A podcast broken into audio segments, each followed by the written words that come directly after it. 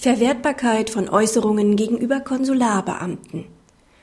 Laut BGH sind Gespräche, die ein Konsularbeamter in Ausübung seiner Hilfspflicht mit einem in ausländischer Haft befindlichen Beschuldigten führt, keine Vernehmung im Sinne von 136a StPO.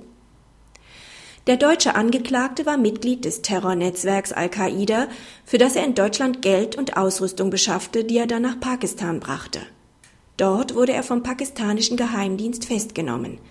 Bei den anschließenden Vernehmungen wurde er teilweise mit einem Gummiknüppel geschlagen. Im weiteren Verlauf wurde der Angeklagte dann von einem Mitarbeiter des deutschen Konsulats besucht, der ihn konsularisch betreuen wollte. Bei einem Gespräch erzählte der Angeklagte daraufhin von sich aus über seine langjährige Tätigkeit für Al-Qaida. In Deutschland wurde der Angeklagte dann vom Oberlandesgericht Koblenz unter anderem wegen Mitgliedschaft in einer terroristischen Vereinigung verurteilt. Das Urteil stützte sich dabei maßgeblich auf die Aussage des Konsularbeamten über den Inhalt seines Gesprächs mit dem Angeklagten.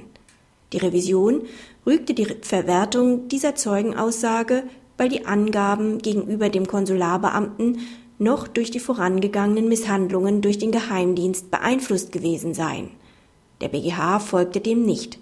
Nach Ansicht des dritten Strafsenats stellte das Gespräch mit dem Konsularbeamten keine Vernehmung im Sinne von 136 StPO dar, denn der Beamte führte das Gespräch lediglich in Erfüllung seiner konsularischen Hilfspflicht.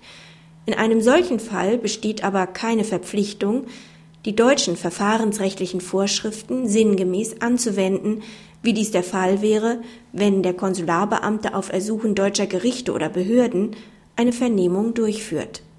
Nach Auffassung des BGH war hier auch nicht davon auszugehen, dass das Gespräch noch durch die vorangegangenen Misshandlungen beeinflusst worden sein könnte, denn die Unterredung mit dem Konsularbeamten fand in deutscher Sprache und in gelöster Atmosphäre teilweise unter vier Augen statt. Bei dieser Sachlage kommt für den BGH ein Verwertungsverbot nicht in Betracht. Ein solches sei auch im Hinblick auf Artikel 15 der UN-Anti-Folter-Konvention und Artikel 3 EMRK nicht geboten, denn diese Vorschriften forderten weder nach ihrem Wortlaut eine Fernwirkung des Verwertungsverbots, noch sei eine entsprechende Praxis der Vertragsstaaten erkennbar. Praxishinweis. Die Entscheidung zeigt die Problematik konsularischer Gespräche. Einerseits muss der Betreute Auskünfte erteilen, damit ihm angemessen geholfen werden kann, andererseits können diese Auskünfte möglicherweise später gegen ihn im Strafverfahren verwendet werden. Der BGH zieht in Erwägung, dass in solchen Fällen der Konsularbeamte über die Verwertbarkeit der Aussage belehren muss. Noch sinnvoller wäre es aber, wenn der Gesetzgeber die Vertraulichkeit konsularischer Gespräche durch eine Verschwiegenheitspflicht und ein Zeugnisverweigerungsrecht von Konsularbeamten gesetzlich schützen würde